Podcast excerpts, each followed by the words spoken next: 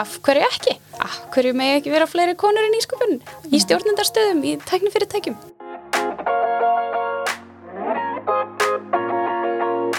Þátturinn í dag er sérstaklega skemmtilegur því að þegar hann kemur út er fyrsta útgáfa nýsköpunavikunar í fullum gangi. Ég fekk því til mín þar Eddu og Melkorku sem er stopnendur hátíðarinnar. Það sögðu mér hvernig þeirra ólíku vegferðir leituð þær báðar til Icelandic Startups en í starfi sinni þar fannst þeim akkurat vanta vettvang eins og nýsköpunavikuna á Íslandi. Það sögðu mér frá dagskránni og framtíðaplönum sínum fyrir hátíðina og auk þess deildu þær frábærum ráðum til frumkvöla. Þetta er þátturinn Af hverju ekki? með Eddu Konradsdóttur og Melkorku Sigriði Magnúsdóttur.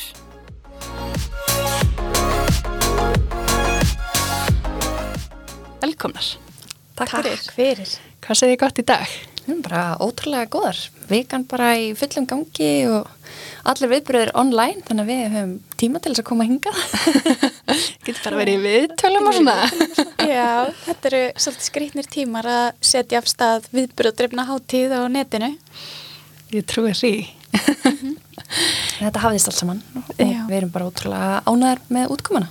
Við erum mjög spenntar að að fylgjast sjálfur með restina af prógraminu. Það ekki. Frábært. Hérna, ef við byrjum bara svona aðeins á ykkur sjálfum, gætu þið bara svona sagt mér smá frá ykkar bakgrunni og tengingu við nýsköpun. Já, algjörlega. Ég kannski get byrjað.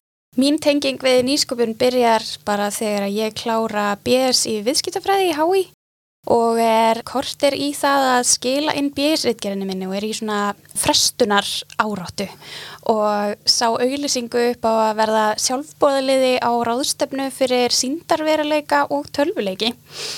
Og ég hugsaði þetta er það sem ég ætla að gera í staðin fyrir að lesa yfir kommentin á ritgerðinu minni. Og fór og var sjálfbóðaliði með vinkonu minni.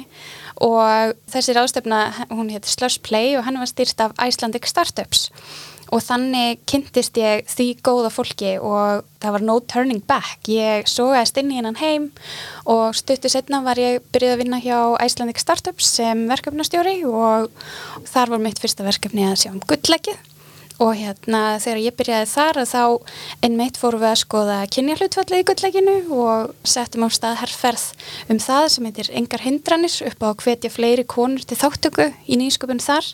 Svo þaðan bara fór ég í fleiri verkefni inni hjá Icelandic Startups þar sem ég styrði Startup Reykjavík sem er tæknisaðal fyrir sprótafyrirtæki og Tink sem er verkefni fyrir norræn sprótafyrirtæki sem vilja fara til Bandaríkjana, til San Francisco og mörg önnur skemmtileg verkefni.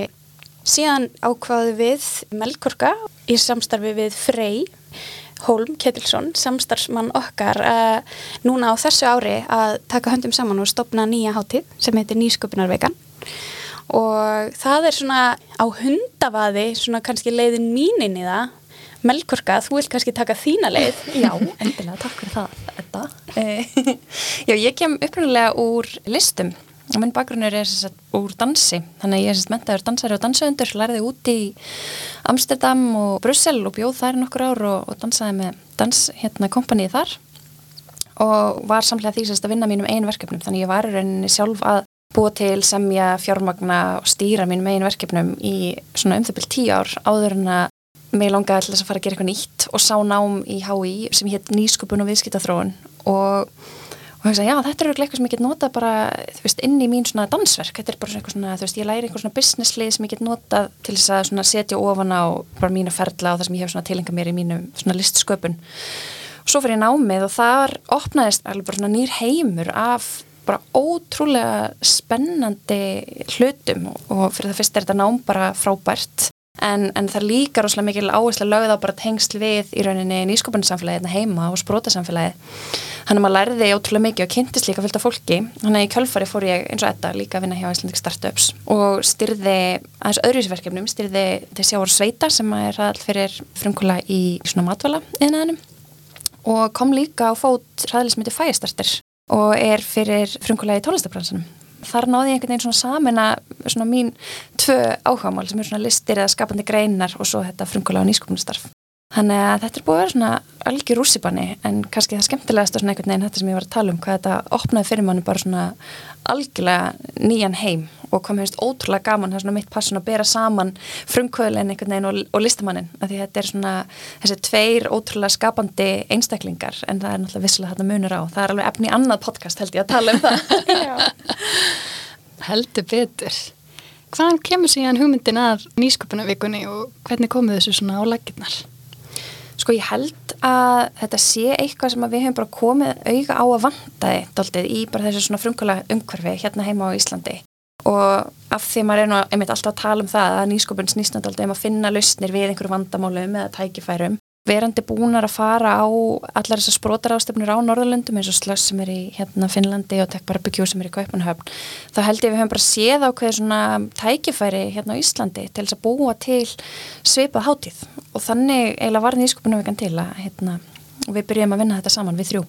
Og hittum mér sagt, Frey í byrjun árs núna 2020 og hann var með þessa hugmynd og, og við einhvern veginn líka og þetta varð bara allt svona þetta small bara svo rosalega vel saman og svo fyrir við að stað þarna í byrjun árs og stefnum að því að hafa hátíð í lok mæ, svo gerðist álítið, það kom heimsvaraldur og þá þurftum við að breyta eins til og við hugsaðum ok, við færum bara hátíðana yfir á haustið hérna í byrjun oktober og þá verður nú COVID búið og svona.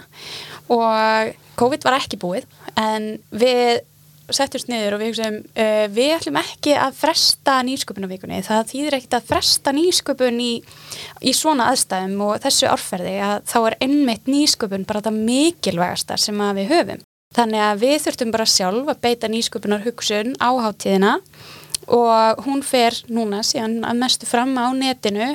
Okkur fyrst svolítið erfitt að, að setja á stokk þessa hátíð sem er á netinu en viðtökurnar eru í raun og veru bara búin að vera sko vonum framar og svo góðar og við hefum fengið með okkur svo ótrúlega góða samstagsæðala mm -hmm. og ég held líka að maður sko hugsi þú veist, ok, ef, ef þetta tekst svona bara vel til núna bara hvaða möguleikar eru þá fyrir hendi á næsta ári og næstu árum í uppbyggingu hátíðarinnar af því að við erum með framtíðasína eins og okkur langar til dæmis að hátíðin verði þessi loftbrú bara yfir til annar landa, eh, hvað var það að tengja saman frumkvælega heima við aðra sérfræðinga, hvort sem það eru frumkvælar eða fjárfestar eða einfalda fólk sem vil bara læra meira um hverju gangi í nýskupun á Íslandi. Þannig að það er kannski svona framtíðasínin en maður byrjar núna allavega á netinu í miðjum heimsfaraldri og, og svo byggjum hana bara upp frá því.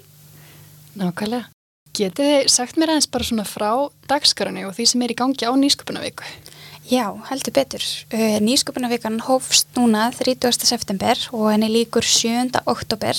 Hún er einmitt frá miðvíkudegi til miðvíkudags, smá nýsköpunarvingill á hvað vika er og, og svona. Þetta er í raun og veru þrý reitstyrir viðbyrðir sem að við hjá nýsköpunarvikunni erum að leggja til en svo er hún bara sjálfsbrottina viðbyrðum frá öðrum fyrirtækjum og þessi viðbyrðir sem við stöndum fyrir að það var eh, opnunarhófið eða setning nýsköpunarvikunar sem var núna 30.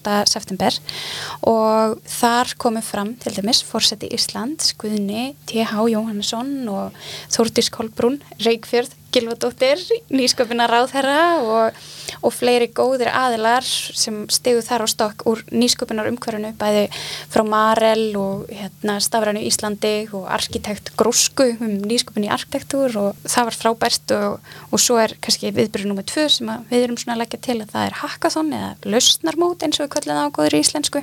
Og þar eru tvær línur, það er fjártakni hackathon og heilsu hackathon og þar sem að bæði landlæknir er að leggja til áskoranir í hilsuhackathon og svo Arjónbanki og fjártækniklassin koma að fjártæknihackathoninu. Það er í fullum gangi núna og yfir helgina og svo verður 7. oktober viðbyrður sem við erum að halda í samstarfi við SKI og Nordic Innovation um framtíð hilsutækni á Norðurlöndunum og, og hvernig fjármagn í heilbreyðiskerfum er að breytast úr því að vera bara í meðferðarúræðum og líka yfir í fyrirbyggjandi aðgerðir og nýsköpun á þessu sviði. Þannig að það eru þessir þrýr viðbyrðir sem við erum sjálfa að leggja til.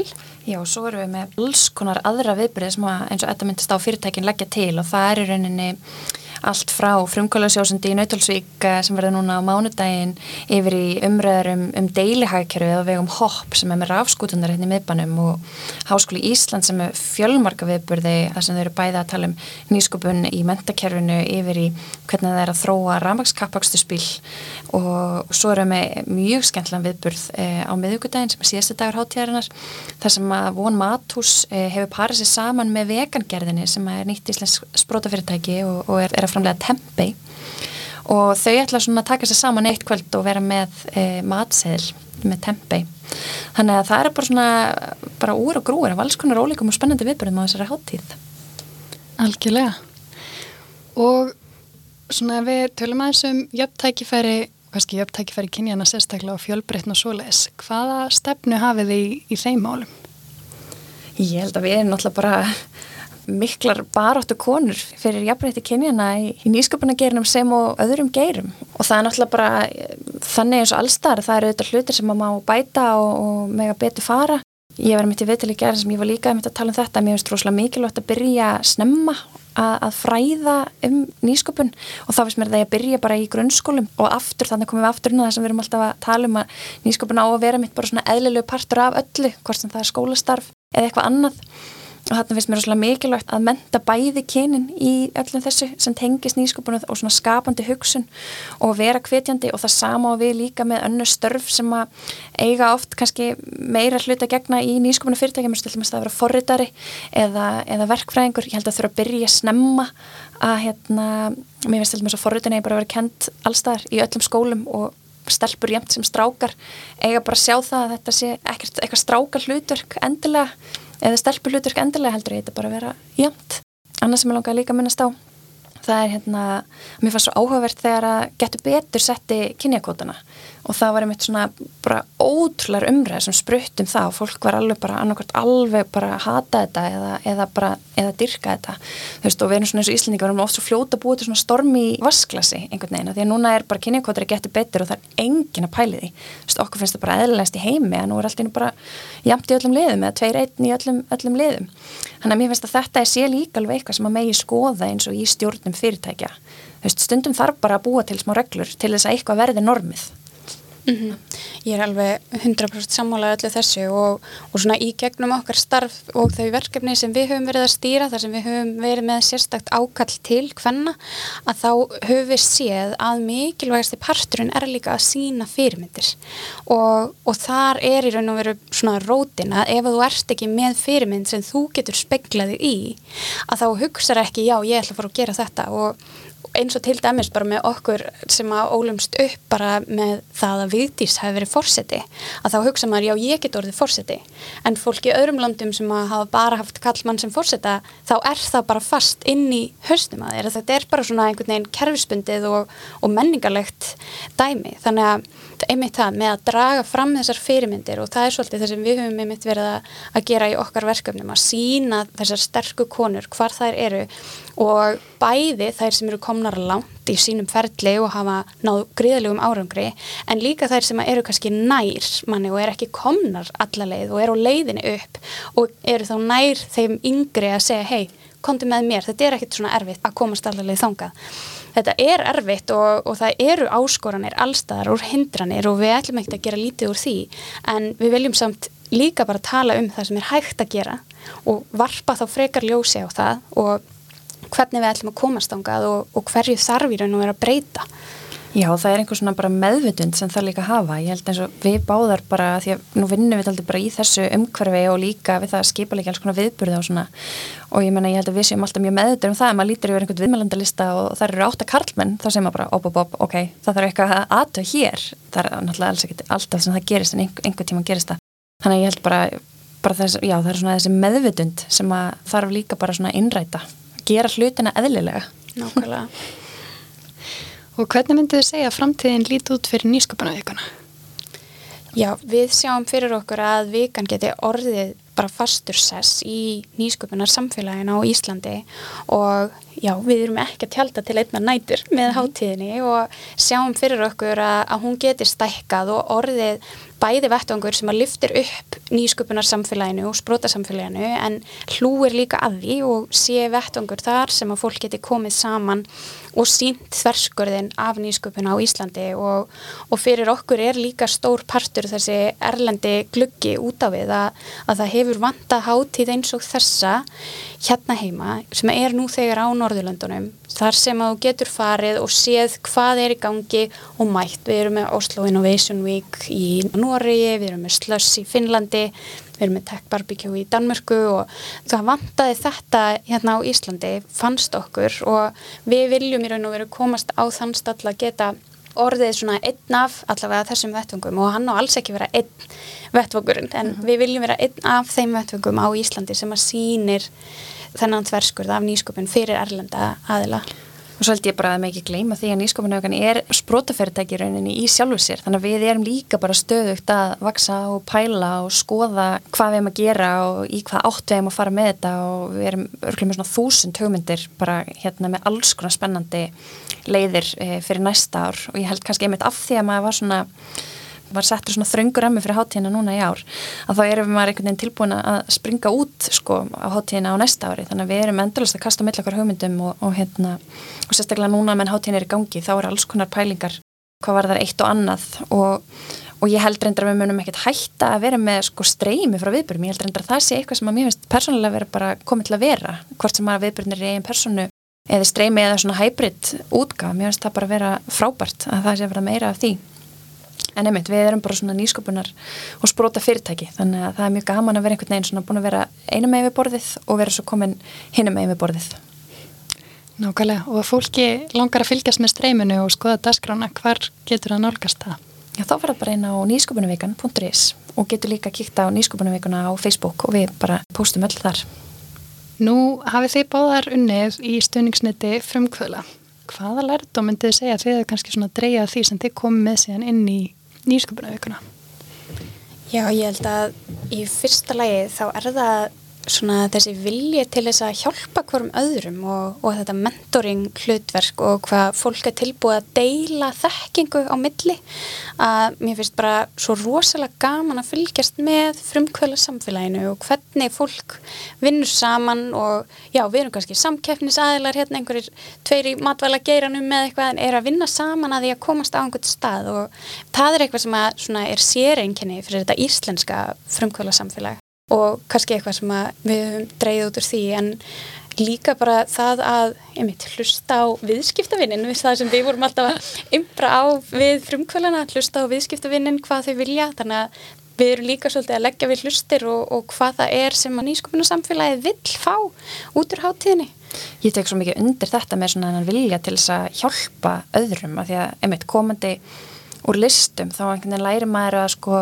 hugmyndin er það dýrmatasta sem það átt sko og það, það má bara, þú mátt aldrei tala í rauninu um hugmyndina þína þú veist, ef einhver skildir stelin eða takana eða eitthvað svo leiðis og hérna að því að hugmyndin er svo, já, mikilvæg fyrir listamannin en, en það er eiginlega akkurat öfugt í, í spróta frunguleiminum að því að hugmyndin er svo ótrúlega lítill partur af hérna, af þessu öllu saman framkvæmdin er í rauninni stóri parturinn og, það er rauninni það sem við tölum svo mikið um þegar við erum með fyrirlastra, það er rauninni þetta að tala um hugmyndin og mikilvæg þess að, að tala um hugmyndinni sinnar og fá endurgjöf og fá feedback. Og það er bara svo ótrúlega gaman að sjá, sko ég held að aldrei neitt sett neyfi okkur, ef maður byður um viðtala byður um að fá að tala með einhvern eða smá mentoring, það bara einhvern veginn gerist ekki á Íslandi. Og mér finnst það ótrúlega fallegt að sjá þetta svona þetta svona gagfama samband, ég held að sprótar þurfa á stærri fyrirtækjum að halda og stórfyrirtæki þurfa á sprótum að halda og þetta svona samtal og samband er svo fallegt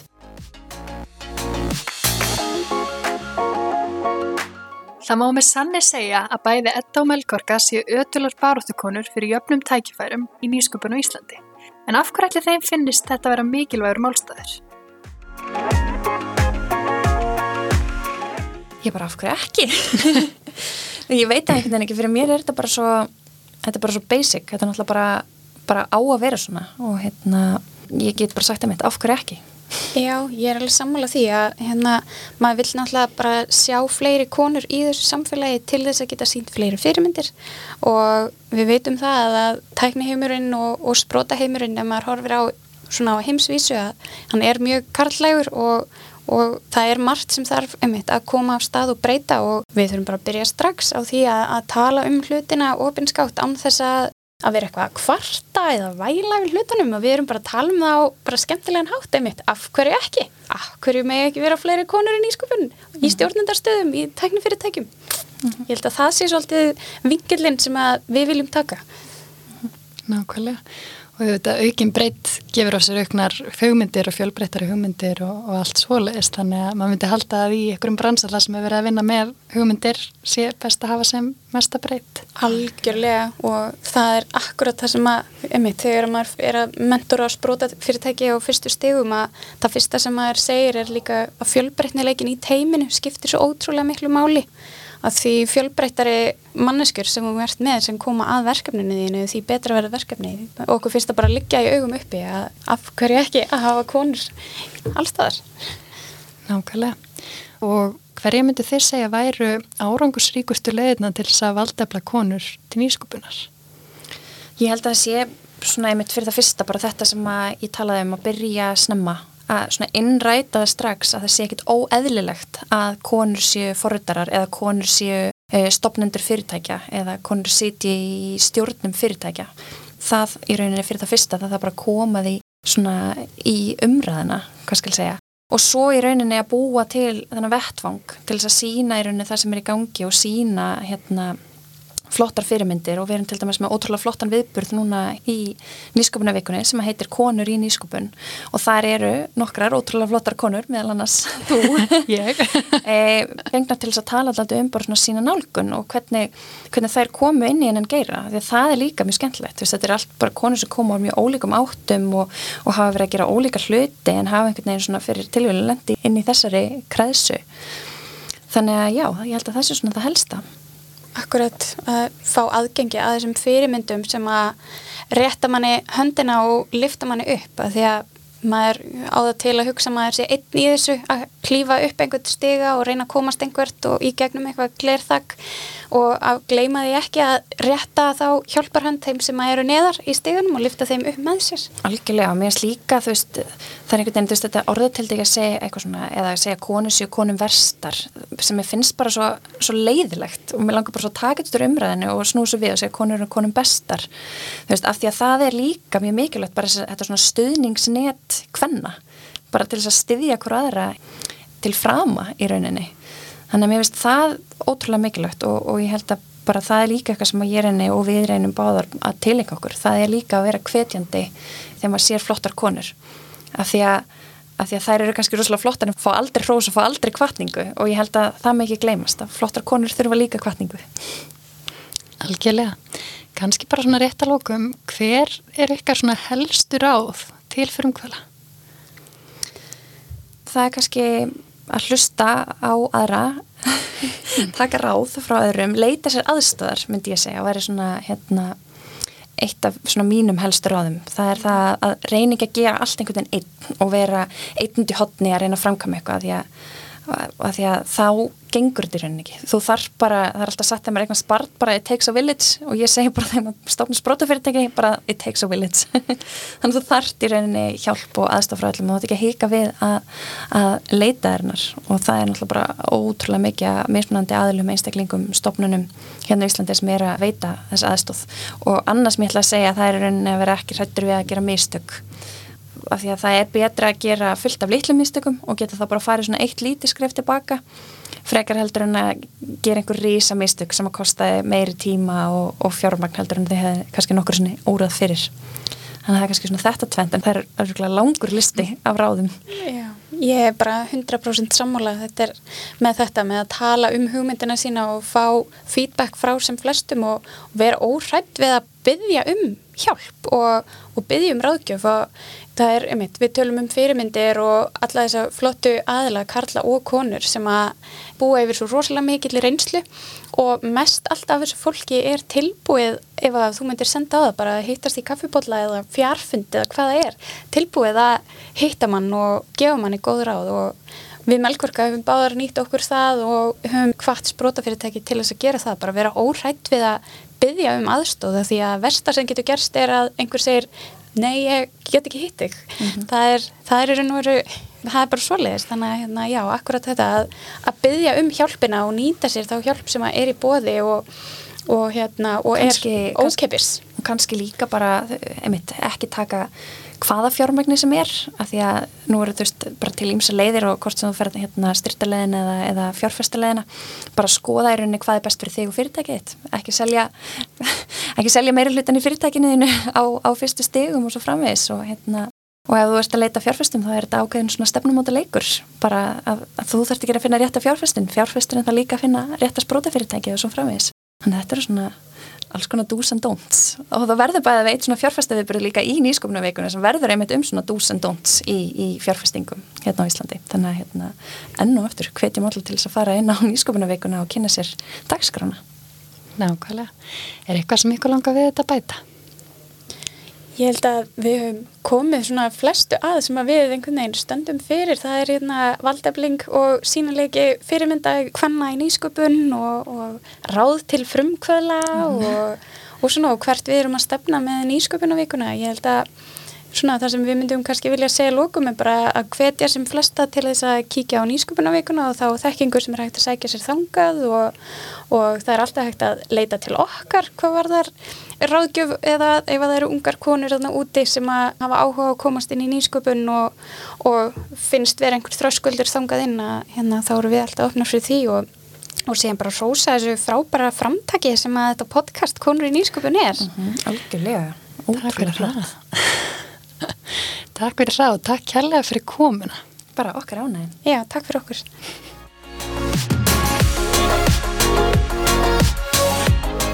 Mér langar að þakka Edda og Melkorku kærlega fyrir komuna og óskaðin til hamingju með frábæra hátíð. Það verður sannlega spennandi að sjá hvað er töfrað fram að ári. Í næsta þætti ræði ég við Huld Magnúsdóttur, framkvæmdastjóra Nýsköpunarsjóðs aðtönulífsins.